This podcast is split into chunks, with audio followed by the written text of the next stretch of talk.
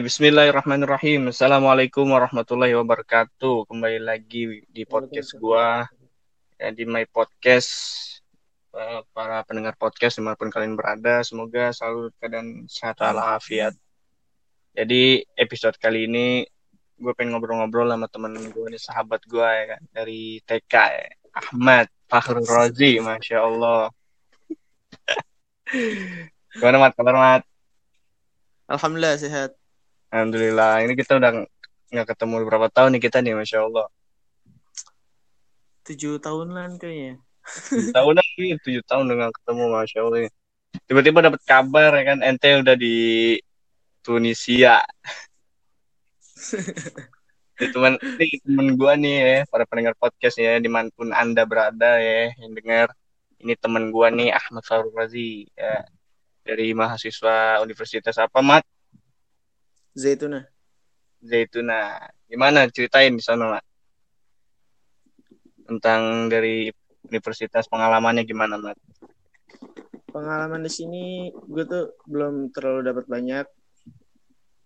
Tapi alhamdulillah di sini tuh sistem pendidikannya seperti negara-negara Eropa karena untuk menyelesaikan masalah itu dengan kritis gitu. Sis- Sistemnya kayak gimana tuh, Mat?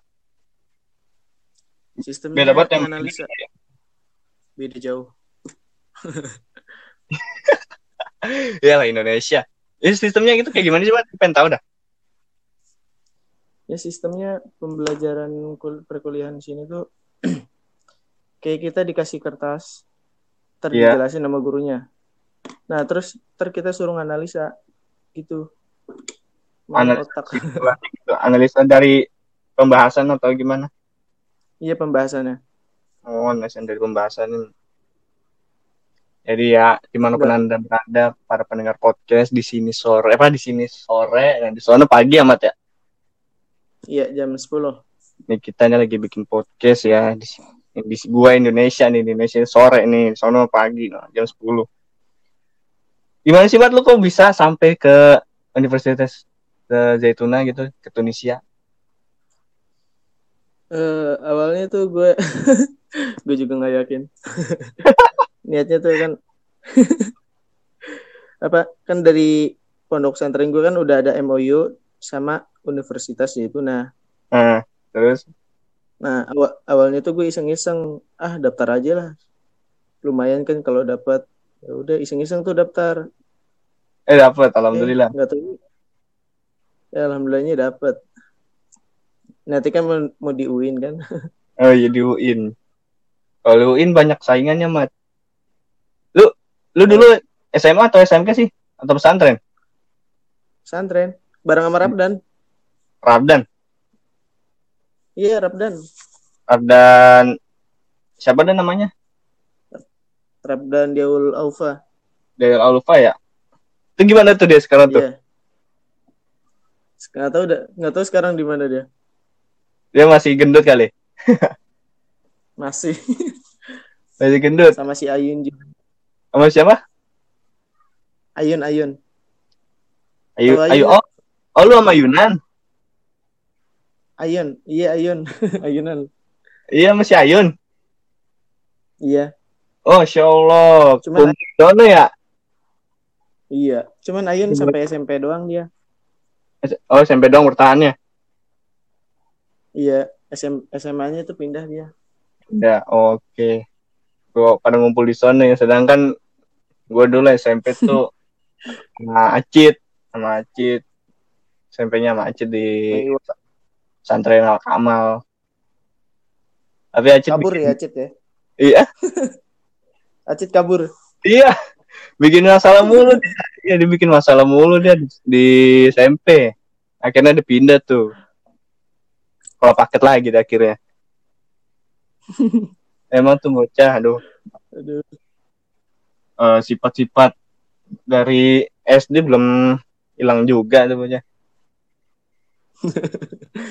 Ini sumpah gue gak nyangka ya kita bisa dipertemukan dalam sosial media Instagram. Dulu tuh gue nyangkanya, Allah. dulu tuh gue nyangkanya eh, kalian tuh uh, lu pada kayak udah nggak aktif gitu. Jadi lost kontak lah. Alhamdulillah mak gue malah nanyain loh. Kenapa? Mak gue malah nanyain loh. Itu yang... si Latif gimana? Ada kabar apa enggak? Yang... gitu kan. Mak gue nanyain lu. Kapan nanyain gue udah sebulan yang lalu kan nanyain itu si Ali si Latif nggak ada kabar? Nggak tahu gue bilang gitu kan. Udah gue cari-cari tuh kan gue kan ini follow si Abi kan ya? Uh. gue liat postingannya si Abi terus ada, ada apa lu ngome komentar Lang langsung gue follow aja lu kan ya? Oh, ya Allah ya. Ya kita dulu tuh waktu SD tuh kita dibilang mirip mat. Sumpah.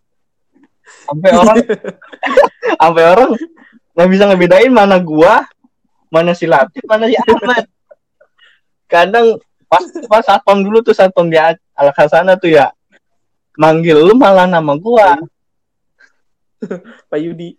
Iya Pak Yudi sama masih Pak, Pak Dadang. Nggak tahu dah mereka masih ada nggak di sana? Alhamdulillah masih ada mat. Masih sehat masih panjang umur. Masih ada iya Alhamdulillah dah makanya tuh aduh masya Allah nih kita dipertemukan ya. Gue juga yang nggak nyangka nih. Para podcast di mana pun kalian berada nih ya. Jadi buat kalian punya teman ya yang udah lama gak ketemu itu yakin aja pasti suatu saat nanti bisa ketemu. Kayak gue nih sama si Ahmad. Ketemu juga ya kan? Alhamdulillah. Alhamdulillah ketemu juga walaupun ya belum bisa ke Indonesia ya Mat ya iya Insya Allah ya, tahun depan. Iya. Mudah-mudahan kalau udah nggak karantina lagi. Eh, di sana karantina nggak sih? Kenapa? Di sana karantina nggak sih? Enggak, di sini nggak terlalu banyak sih. Nggak nggak terlalu nggak terlalu di itu banyak ya? Maksudnya nggak terlalu di uh, apa sih namanya kayak di viralin banget. Terlalu di Iya, iya. Enggak. Oke, kita lanjut ke pembahasan. Siap gak? Alhamdulillah. Insya Allah siap. Oke, jadi di sini ya para pendengar podcast di mana pun kalian berada, di sini gua Ahmad akan membahas tema tips memilih jodoh asik. Jadi buat kalian para remaja-remaja yang sudah bosan berjomblo, ya, para remaja-remaja yang sudah nggak sabar buat memiliki pasangan yang udah ngebet, ya, apalagi yang udah pengen ngebet nikah nih. Sebelum nikah nih kalian pilih jodoh kalian dulu ya biar bener ya. Gue belum nikah udah bahas nikah ya. Siapa aja belum? Iya definisi jodoh apa tuh mat? Definisi jodoh. Jodoh tuh pasangan. Pasangan. Pasangan di mana kita sampai akhirat gitu iya sampai seumur hidup ya. Jadi tuh so, yang denger biar nggak apa biar tahu nggak so nggak sekedar jodoh doang. Jodoh pasangan ya pak. Jodoh pasangan. Tapi e, pengertiannya adalah jodoh itu e, pasangan yang e, seumur hidup ya. Sampai kita iya. nanti iya. insya Allah. Ya. sampai dipertemukan di surganya nanti. Iya sampai dipertemukan di surganya nanti. Nah dalam memilih pasangan nih e, dianjurkan kan ya mat ya dalam Islam iya Iya sangat dianjurkan dalam Islam dan dilarang menjadikan hal ini sebagai bahan candaan atau main-main. Jangan dibagi, buat bahan candaan nih milih-milih jodoh, udah kayak milih ini aja apa namanya. Ya jangan buat main-main nih amat ya. Coba mat hmm. tips-tipsnya tuh Kenapa? apa aja mat? Tips-tipsnya apa aja mat? Tips-tipsnya ya gue ngambil dari apa namanya pengalaman. Pengalaman sini bukan berarti gue udah pernah pacaran atau apa Cuma gue dari melihat ya. dari teman-teman gue yang udah nikah. oh temen lu di sana udah pada nikah rata-rata? Enggak teman pondok gue udah ada yang nikah. Wah emang kalau teman pondok tuh cepet banget sumpah cepet. Cuman kan ya gue jelasin sini temen gue udah nikah itu nggak bertahan lama karena kenapa? Dia itu cuman melampiaskan mengikuti hawa nafsunya saja, tidak didasari dengan sesuai syariat Islam. Nah, itu nggak boleh tuh ya, Mat ya? Iya. Nggak boleh banget tuh. Iya, Nikah boleh itu. karena hawa nafsu tuh kebanyakan emang begitu tuh. Kalau tahun apa masa zaman-zaman sekarang nih banyak yang nikah muda karena eh, nafsu ya. Buru hawa Mm-mm. nafsu. Habis itu kalau na- nafsunya udah terlampiaskan, ya mereka tinggal. Udah. Parah yang sangat fatal itu. Lu lagi di sini, lagi di kos atau gimana? Lagi, iya lagi di kosan. Lu sendiri ya? Enggak sih, pada tidur semua. Udah tidur. Udah mulai musim dingin nih sih. Ya udah mulai musim dingin di sana ada musim dingin. Ada. Ah, di sini panas terus mas, mat. Di sini panas terus. Eh, jadi eh sini eh, dalam tis milih jodoh ini juga dianjurkan ya. Sudah semakin diabaikan oleh kebanyakan kaum muslimin ya tadi itu karena memilih karena apa namanya hawa nafsu.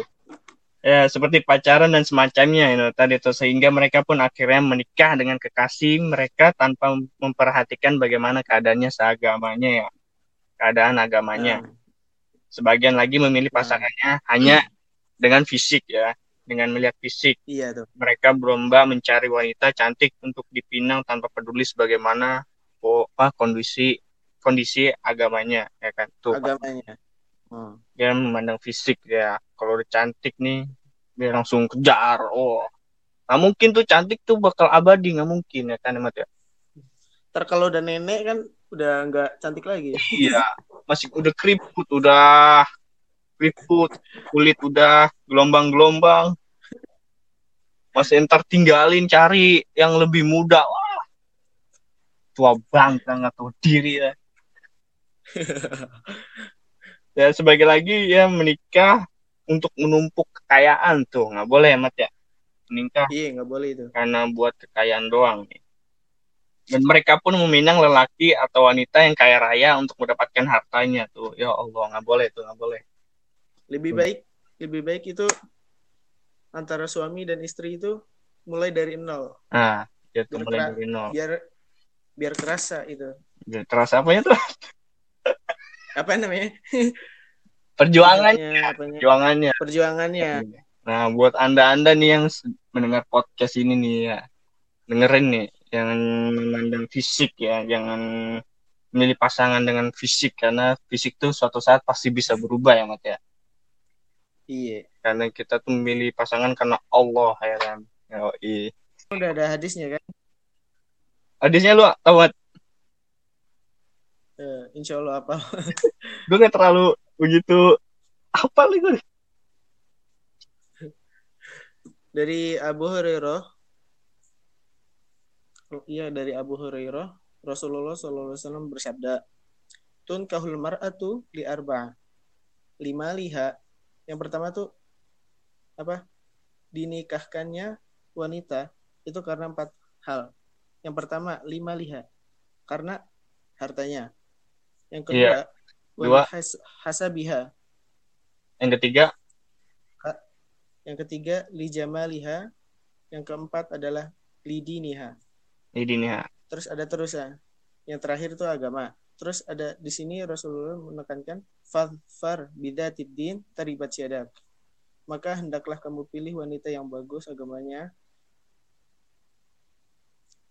Kalau tidak demikian, niscaya kamu akan merugi. Itu Rasulullah menekankan untuk mengutamakan dari agamanya. Ya karena agama Gimana? utama dari semuanya ya. Iya.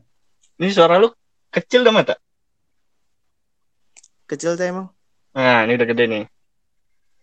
Hmm, Berarti kejauhan tadi. Nah, dalam memilih jodoh nih jangan dibuat bahan candaan atau main-main ya. Di sini juga ada hadisnya sih. Eh gue nggak hafal nggak hafal Arabnya, cuman gue hafal artinya ya. Mudah-mudahan bener ya Mat ya. Kalau misalkan salah koreksi nih gue. Iya, iya. Di sini eh, Rasulullah SAW bersabda eh, artinya itu tiga hal yang seriusnya dianggap benar-benar serius dan bercandanya dianggap Nah. serius. Itu nikah Nah, itu tuh. dan ruju ya. Iya. Itu diriwayatkan oleh Arba'ah. Bener kan ya Arba'ah ya? Kurang tahu dah kalau di riwayatnya. Ya itu tuh udah ada hadisnya tuh jangan dibuat main-main nih anda anda semua yang mendengarkan podcast ini jangan buat main-main untuk memilih jodoh ya jangan buat main-main ya karena ini bukanlah pertandingan sepak bola. Oke tadi tuh yang disebutkan hadis yang jangan dibuat main-main ya. Jangan memilih jodoh itu jangan buat main-main. Karena di situ udah ada hadisnya tuh. Anda nih mau main-main ya Anda semua yang dengar podcast nih. Kalau main-main nih saya udah kelewatan kalian sudah pemuda tersesat banget kalian semua Oke, kita lanjut ya mat eh, dari di sini gue ini di sini gue sama temen gue bakal menjawab pertanyaan-pertanyaan yang udah dikirim semua jamaah dari jamaah dari pemuda-pemuda yang masih tersesat di jalan pemuda-pemuda pencari jodoh Oke, pertanyaan pertama ya, semoga kita bisa jawab. Oke, jadi mohon maaf kalau misalkan jawaban kita uh, apa namanya ada yang kurang atau ada yang kurang. salah. Ya, jadi mohon maaf ya. Kita menjawab sebisa kita ya, sebisa kita tahu pak, yang kita tahu aja. Dan kalau misalkan ada kalau ada pertanyaan kita nggak bisa jawab, ya mungkin next episode kita bakal bisa jawab, bakal ngejawabnya lagi. Oke, pertanyaan Karena pertama. Kita di sini saling belajar. Iya, karena kita di sini saling belajar ya, bukan di sini nggak ada yang paling bisa, nggak ada yang paling tinggi, nggak ada. karena gue juga masih belajar, cuy. Ya. gue masih belajar nih. Dan kalian sudah menanyakan pertanyaan yang paling susah ini, menurut gue sih. Kalau menurut lu nggak tahu, Mat. Ya pertanyaan dari dari ini nih, dari hamba Allah lah yang disebut namanya yeah. ya. Jodoh itu sebaiknya ditunggu atau dicari. Ini lagi nanyanya begini. Tentang-tentang cewek nih. Ini nanya cewek, Mat. Jodoh itu sebaiknya ditunggu atau dicari. Itu gimana, Mat? Lu dulu dah yang jawab. Mendingan apa dicari? Iya. Kalau emang udah siap, kan kalau emang udah siap, itu kita harus nyari. Kalau emang udah siap ya. Kalau ya, cewek. Kalau emang udah siap, itu buat cewek. Nah, kalau cewek misalkan ditunggu atau oh. ini yang yang nanya cewek. Oh, yang nanya cewek. Mm -hmm. Apa ya? Gimana ya? kalau cewek itu biasanya nunggu yang lamar ya kalau nggak salah ya. Iya, nunggu cowoknya, si cowoknya yang lamar. Hmm. Tapi sembari dia nunggu dia itu kan ya doa seperti jam malam. Iya. Jadi nggak cuma nunggu doang kayak nunggu angkot, cuk. yang cewek-cewek libur mah juga datang iya kalau kalian nih yang buat para pendengar podcast ini yang cewek-cewek ini walaupun kalian uh, perempuan yang harus dikejar oleh seorang lelaki jangan cuman hanya sekedar nunggu kayak nunggu angkot oke okay? Tapi Jadi nunggunya di sini tuh jangan disalahpahami. Gimana tuh? Ntar nunggu, ya nunggu ntar pacaran dulu lah. Wah itu salah itu ya kalau nunggu tapi harus pacaran dua sama yang lain ya. Hmm. Tuh, jangan Bu, jangan sekedar nunggu dong tapi bantu kita untuk apa dengan bantu doa ya. Doa. Biar dilancarin, dipermudah nih. Ini gue juga sebenarnya lagi lagi ini mat. lagi ada tujuan nih mat gue. Gue ada tujuan nih. padahal gue gak pacaran. padahal gak pacaran loh mat. Cuman sekedar kenal doang gitu loh. Iya iya ngerti. Tapi gue ngungkapin perasaan gue sama dia tuh. Gue salah gak sih mat? Sebenarnya kayak gitu mat. Kalau emang yang harus diungkapin, ungkapin ungkapin aja. Jadi nggak apa-apa kan kalau ngungkapin. Kalau menurut gue. Iya nggak ada masalah. Hmm. Terus iya tuh. Udah ngode tuh ya. ya gue niatin, gue udah, gue udah ngungkapin perasaan gue dan gue juga udah niatin buat ngehalalin dia gitu loh. Tapi nggak tahu kapan. Tapi niatin dulu nggak apa-apa kan ya? Iya nggak apa-apa niatin dulu nggak apa-apa asalkan ya jangan pacaran gitu tuh tadi itu. tuh. Jangan pacaran. Ya jadi simpulan dari jawaban tadi apa mah jodoh itu sebaiknya tunggu atau dicari. Ya tadi tuh ya. Kalau cewek ya nunggu cuman jangan sekedar nunggu, nunggu aja. cuman jangan sekedar nunggu doang. Iya kalau cowok gimana mas? Ya kalau emang udah siap ya harus nyari kita. Dateng ya datengin ya? Iya, datengin. ke rumahnya. orang tuanya ngomong ke bapaknya. Iya jadi konsepnya rezeki itu ada dua macam. Kayak rezeki itu ya. Rezeki itu ada dua Iya. macam. Itu rezeki yang kita cari atau usahakan dan yang mengejar atau mendatangi kita. Kita sebagai manusia hidup terutama para pemimpin rumah tangga nih lelaki harus berusaha mencari rezeki yang halal berkah dan cukup untuk seluruh- seluruh keluarga dan tanggungannya ya kan ya. Dan Iya. usahanya ini dinilai eh, oleh Allah tuh. Usahanya ini dinilai oleh Allah dan diberi pahala sebaik usahanya tuh. Namun sebenarnya rezeki yang datang kepadanya adalah rezeki eh, yang sudah ditentukan oleh Allah. Nah itu. Jadi konsepnya kayak gitu tuh. Lelaki tuh yang buat yang lelaki. Oke kita lanjut ke pertanyaan berikutnya Mat. Apa? ini dari hamba Allah laki ya. Dari Ikhwan Hmm, jangan disebutin namanya takutnya dia malu tersinggung iya Iya. Pertanyaan pertanyaannya tuh kita diperbolehkan gak sih eh taruh, bentar. Di- kita diperbolehkan gak sih menentukan kriteria pasangan wajar kan selain yang soleh soleha kita pengen juga yang wajahnya enak dipandang akhlaknya bagus pendidikan dia tinggi wawasannya luas dan sudah mapan ekonominya gimana tuh Mat? boleh sih karena itu kan ya kalau emang akhlaknya udah bagus agamanya udah bagus nah itu masalah harta kecantikan atau kegantengan itu adalah bonusnya bonusnya itu ya bonusnya ya iya bonus ini pertanyaannya yang enak dipandang ya. Lu emang lu kira cewek-cewek nggak enak dipandang? Oh, set. Ini mana ada cewek yang nggak enak dipandang? Allah Akbar. Ini pemuda paling paling sesat nih, ya ampun. Itu nih memilih kriteria pasangan yang ideal boleh-boleh aja ya, Mat ya. Supaya Iya, cocok boleh boleh aja pernikahan yang inginnya berlangsung sekali seumur hidup.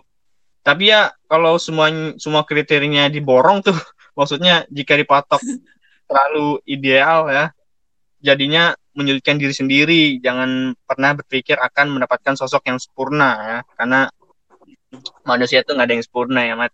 Terus karena secara kodrat setiap orang memiliki kelebihan dan kekurangan. Jika mengharapkan pendamping yang sempurna, seharusnya kita juga sempurna.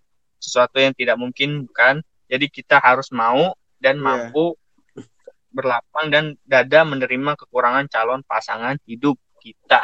Nah, itu tuh. Nah, buat yang nanya nih, Ikhwan, Ikhwan, Ikhwan pengen akhwat wajahnya enak dipandang ya. Dengan dengan Anda ya, Anda nih yang menanya nih, Anda pandang itu apa namanya bunga ya. Enak tuh dipandang tuh. Bunga tuh, ya. Dada aja estetikanya dapat lagi dada aja lagi yang enak dipandang set cewek emang dikata nggak enak dipandang Allah Akbar ampun dah oke mat pertanyaan selanjutnya apa ya? ini akhwat nih dari cewek dari Siti ya. Dia dia pengen apa namanya Disebut. pengen namanya disebut. Namanya disebut ya katanya bang sebut nama gua. Kalau nggak disebut gua bakal marah gitu bakal blok kontak lu. What? Oh ini ini ada teman gua yang di WA mat ya ini buat Siti Iya, gua yang di WA nih lu dengerin ya. ya anda nih anda nih Siti ya ini kita jawab nih pertanyaannya nih mat bagaimana kalau hasil sholat istikharah dalam memilih jodoh ternyata berbeda dengan pertimbangan logika jadi pilih yang mana Nah, kalau masalah ini gue kurang ini ya apa namanya? kurang ini ya kurang apa namanya belum bisa jawab sepenuhnya ya Belum bisa jawab sepenuhnya. Karena Iya, gue juga masih ngalamin itu. Masih belajar nih. Jadi ya buat pertanyaan Siti kita eh, pending dulu kita pending di episode selanjutnya. Lagian nih Siti ya Sit lu kalau nanya tuh aduh yang bener dong. Duh jangan jangan aduh jangan menyiksa kami berdua. Kami berdua tuh juga masih mahasiswa ya. Walaupun anda telah apa walaupun anda telah kerja ya yang mau nikah janganlah jadikan kami sebagai pelampiasan pertanyaan yang sulit-sulit. Aduh Siti Siti. Pakai segala ngancem blok gua lagi. Kacau cewek emang gitu. Cewek kalau misalkan udah begitu tuh berasa keluarga kita udah disandra men. Di Sandra. Iya. Aduh susah udah udah aduh udah bingung udah. Jadi, kita lanjut sama yuk. Kita lanjut pertanyaan selanjutnya. Dari eh, cewek cewek lagi nih. Cewek lagi. Namanya si Ayun. Ya. Ayun. Dari IG ya gue dapet ini Ayun di IG tanya Assalamualaikum Bang. Bagaimana kalau pilihan kita tidak sesuai dengan kehendak orang tua? Eh Mat jawab Mat. Kalau menurut gue tuh bisa dibicarakan kepada orang tuanya secara baik-baik. Tapi kalau emang itu dari cowoknya emang akhlaknya udah bagus misalkan cewek nih. Iya. pengen suka sama dia nih cowok si cowok. Karena akhlaknya bagus apanya bagus semuanya udah bagus. Cuman orang tuanya nggak nggak ridho belum ridho. Lebih baik itu diomongin secara kekeluargaan. secara keluargaan ya. Iya. Nah, Nah, ini itu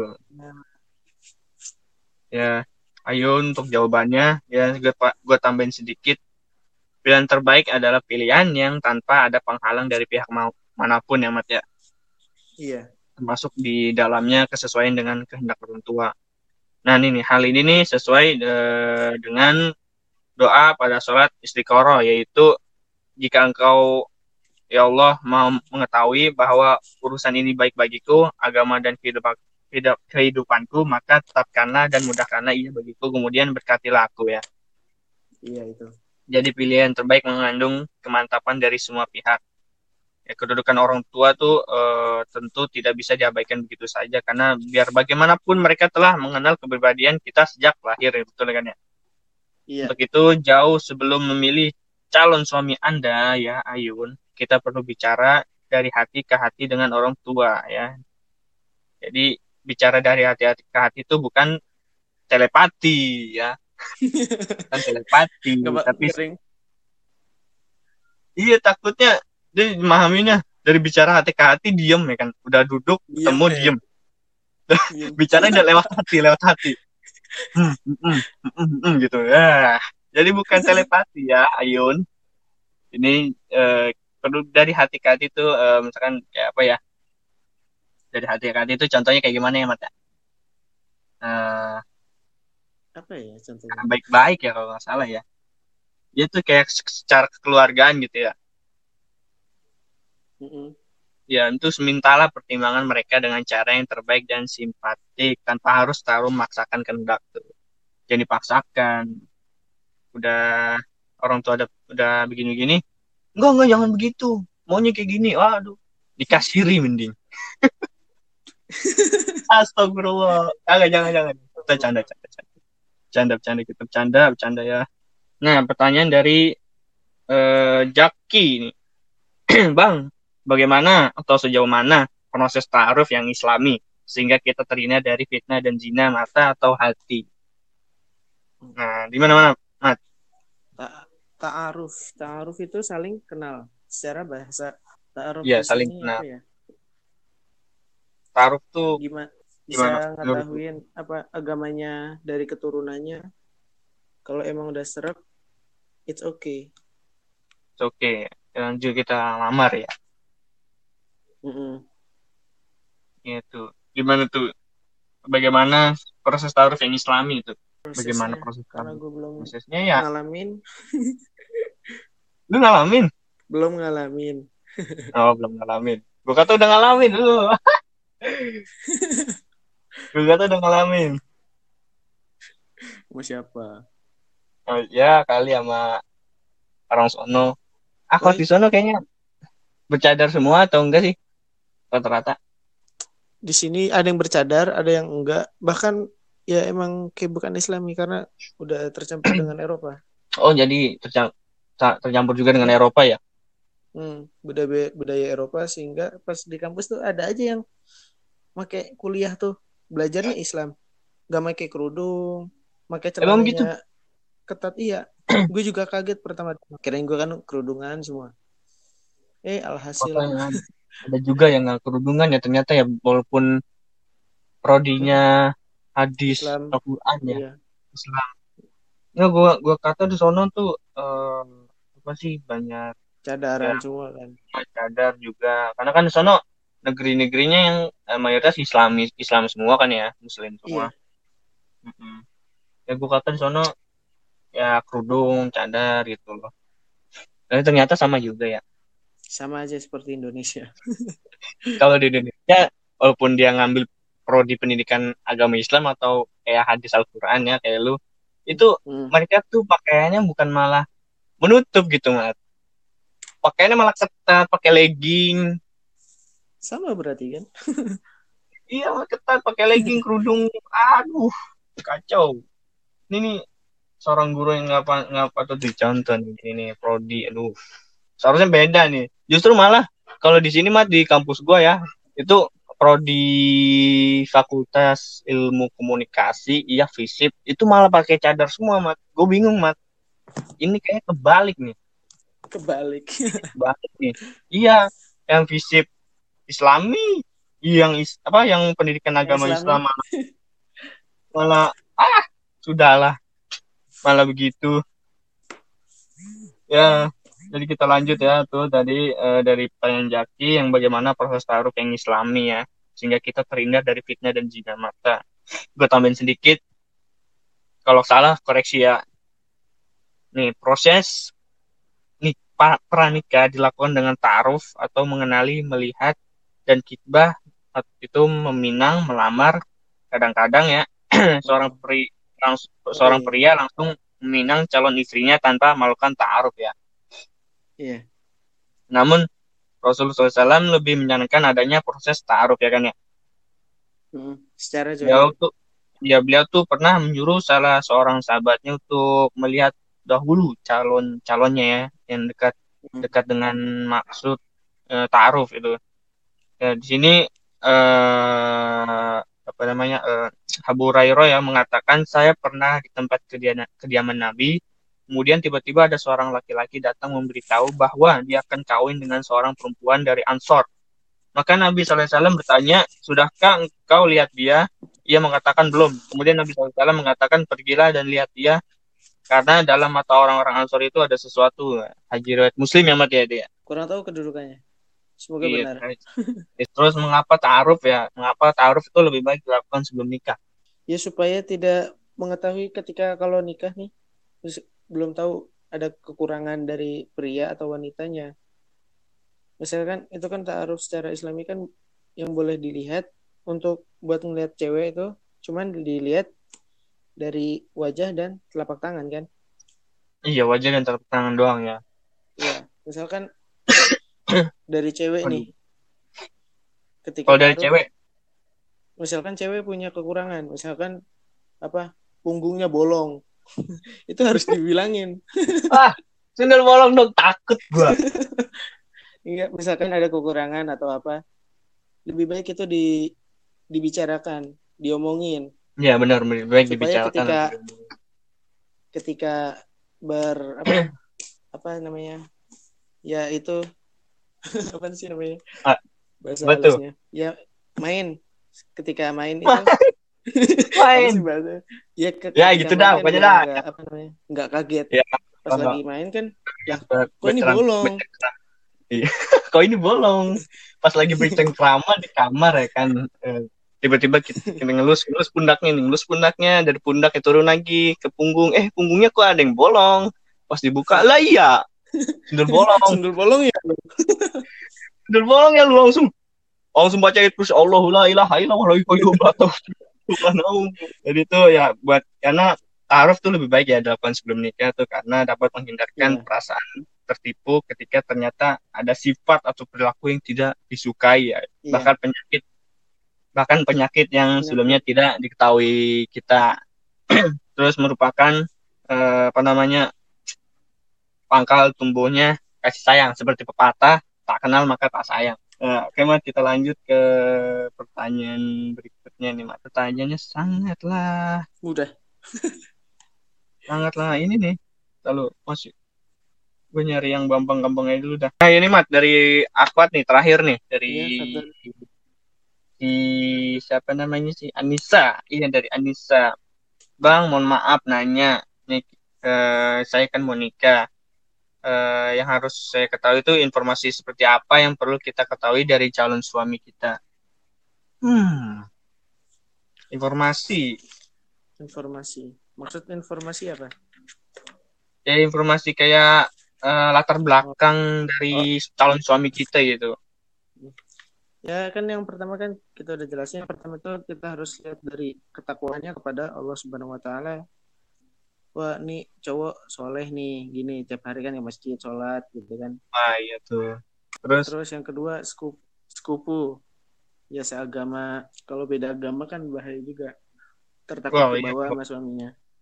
Nah ya tuh mat, Da- dulu kan teman gua apa namanya gue dulu kan nih tahu apa waktu lagi semester 1 gue kan lagi Iya. presentasi ya presentasi tentang apa namanya?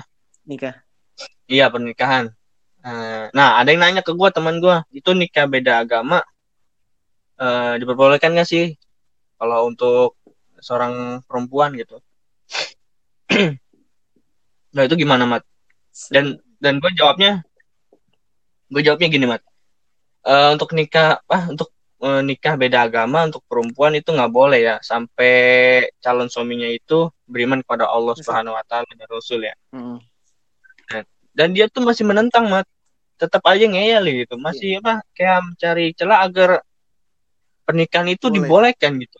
Ini orang udah dikasih tahu tapi malah aduh. Ngegas. iya kalau perempuan tuh nggak boleh kan ya? Kalau perempuan nggak Iya, boleh menikahi takutnya beda agama ke bawah sama suaminya. Iya, takutnya ke bawah suaminya. Jadi mayoritas muslim dikit ya. Iya. Nah, kalau buat laki-laki ya nggak apa-apa lah ya. Laki-laki beda kan agama. banyak yang banyak yang banyak juga contoh-contohnya kan.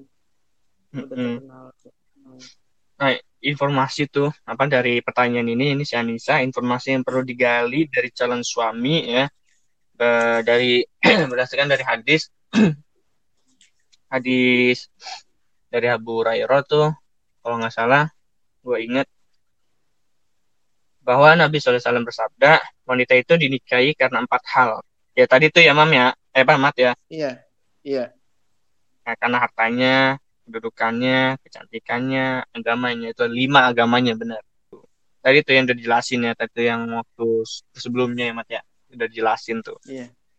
itu jelasin jadi eh, jika kita dipilih karena faktor agama maka tentu ini apa maka tentu kita juga berhak memilih karena faktor akhlaknya pula itu ya kualitas agama atau Iya. akhlaknya nasabnya atau latar belakang keturunan misalnya hubungan keluarga asal apakah berasal dari keluarga utuh harmonis atau broken home ya termasuk Nggak bagaimana dengan ini apa namanya?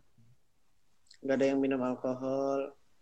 Ah iya tuh nggak ada yang minum minum, minum alkohol, ada yang pakai-pakai anuan.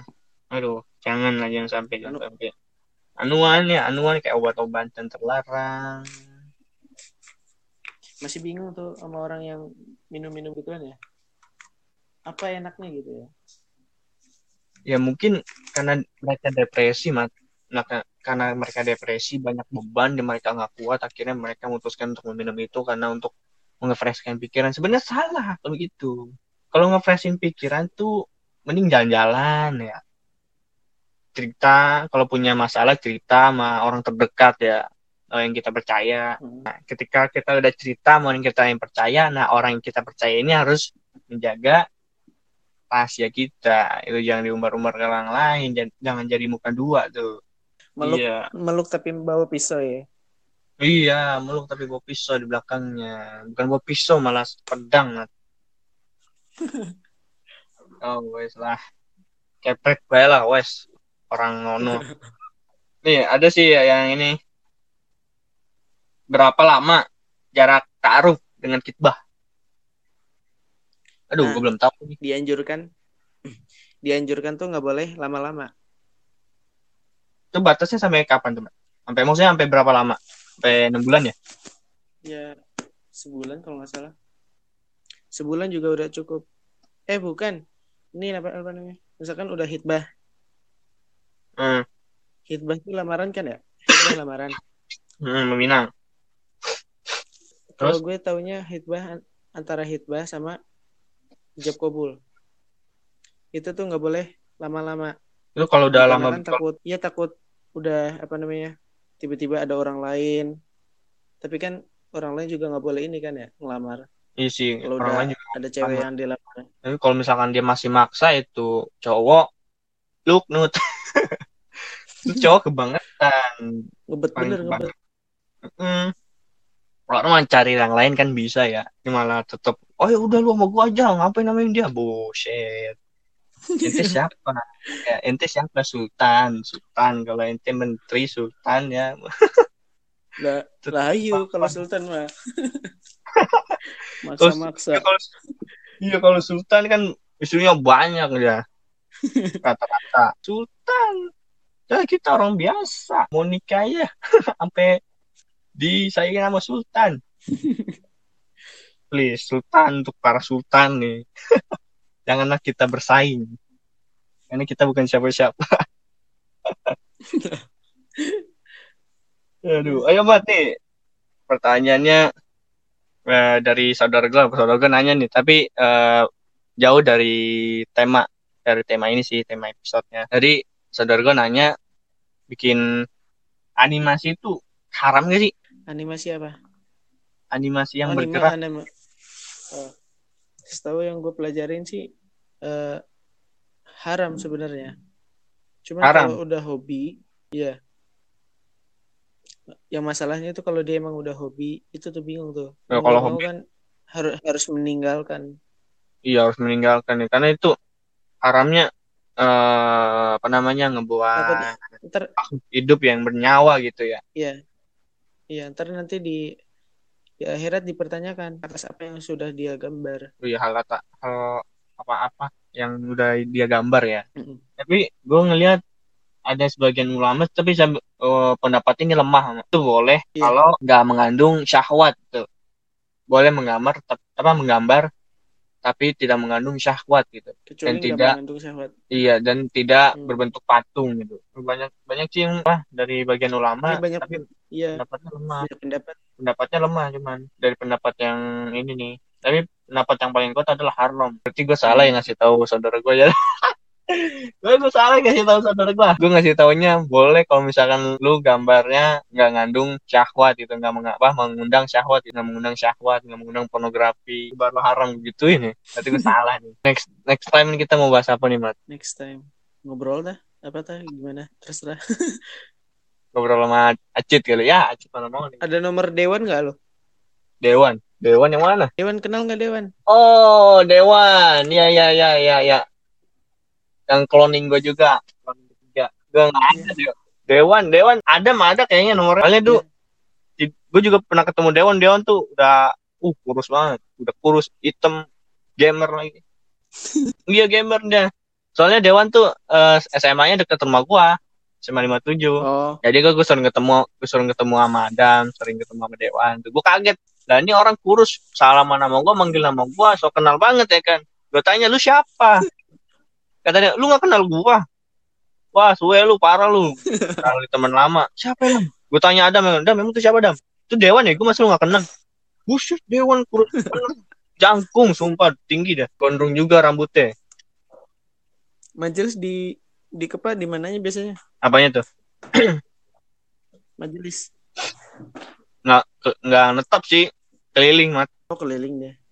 Mm-mm, keliling biasanya gua ke rumah ke rumah-rumah gitu pertama rumahnya siapa kedua rumahnya siapa gitu lu kali-kali bikin aja cara Lain kali, lain kali aja ntar ya kalau gue udah balik. ya mudah-mudahan gue sih sana. rumah ya, rumah lu bikin ntar sekalian tuh reunian tuh ajak ada mabi Nah, kita next time nih kita, nah, oke jadi pembahasannya sampai di sini dulu ya. Terima kasih untuk yang telah nanya dan mohon maaf kalau misalkan jawaban kita ada yang kurang ya. Kurang. ada yang salah ya. Mohon bisa kalian eh, saranin atau usulin lewat DM Instagram gua at Munif underscore Azarkashi dan jangan lupa nih Ahmad. Apa Ahmad? Ahmad? Ahmad A titik Fakhrul Razi 27 oh, A titik Fakhrul Razi 27 follow jangan di like doang. Jangan di stalking doang. Follow ya. Kalian stalking. Anda semua tuh stalking IG kami tuh kawan. Ya siapa yang stalking akan kami sebut di podcast di next episode. Biar malu biar malu biarin aja. Jangan lu jangan jangan lupa follow. Jangan cuma dilihat doang tapi juga di follow ya kalau misalkan ada yang pengen ditanyain lagi silahkan uh, jadi kita besok and next episode ngapain tuh ngobrol-ngobrol aja atau gimana nanti bisa dibicarakan aja oke okay. sekian dari podcast dari podcast hari ini udah berapa menit nih udah 40 lebih semoga 40. apa apa ilmu yang kita saling sharing ini bermanfaat Dapat. suatu hari nanti hmm. buat kalian semua para pendengar podcast ya jangan lupa stay tune terus podcast gua di Alex Grand Podcast dan jangan lupa oh ya kalau misalkan lo ke Indo nih gue pengen podcast secara live nih ya di podcast secara live kalau udah di Indo mudah-mudahan kalau di Indo oke okay. podcastnya tuh dengan cara video video masya Oke, jadi terima kasih untuk kalian semua yang telah mendengarkan podcast ini. Jangan bosan, jangan apa namanya. Kalau misalkan ada perkataan kami yang tidak mengenakan hati buat anda semua para pendengar podcast mau dimakan, ini bukan pintu maaf yang sebesar besarnya karena kami juga uh, sedikit bercanda lah ya, sama canda-canda dan juga ada yang serius ya, Mat ya. Iya. Oke, sekian. Gua Belati Munir Mazar Kasih. Ahmad Fakhrul Razi. Uh, untuk mengucapkan mundur diri. Terima kasih telah mendengarkan podcast kita. Assalamualaikum warahmatullahi wabarakatuh. Terima kasih, Mat. Yo, sama-sama.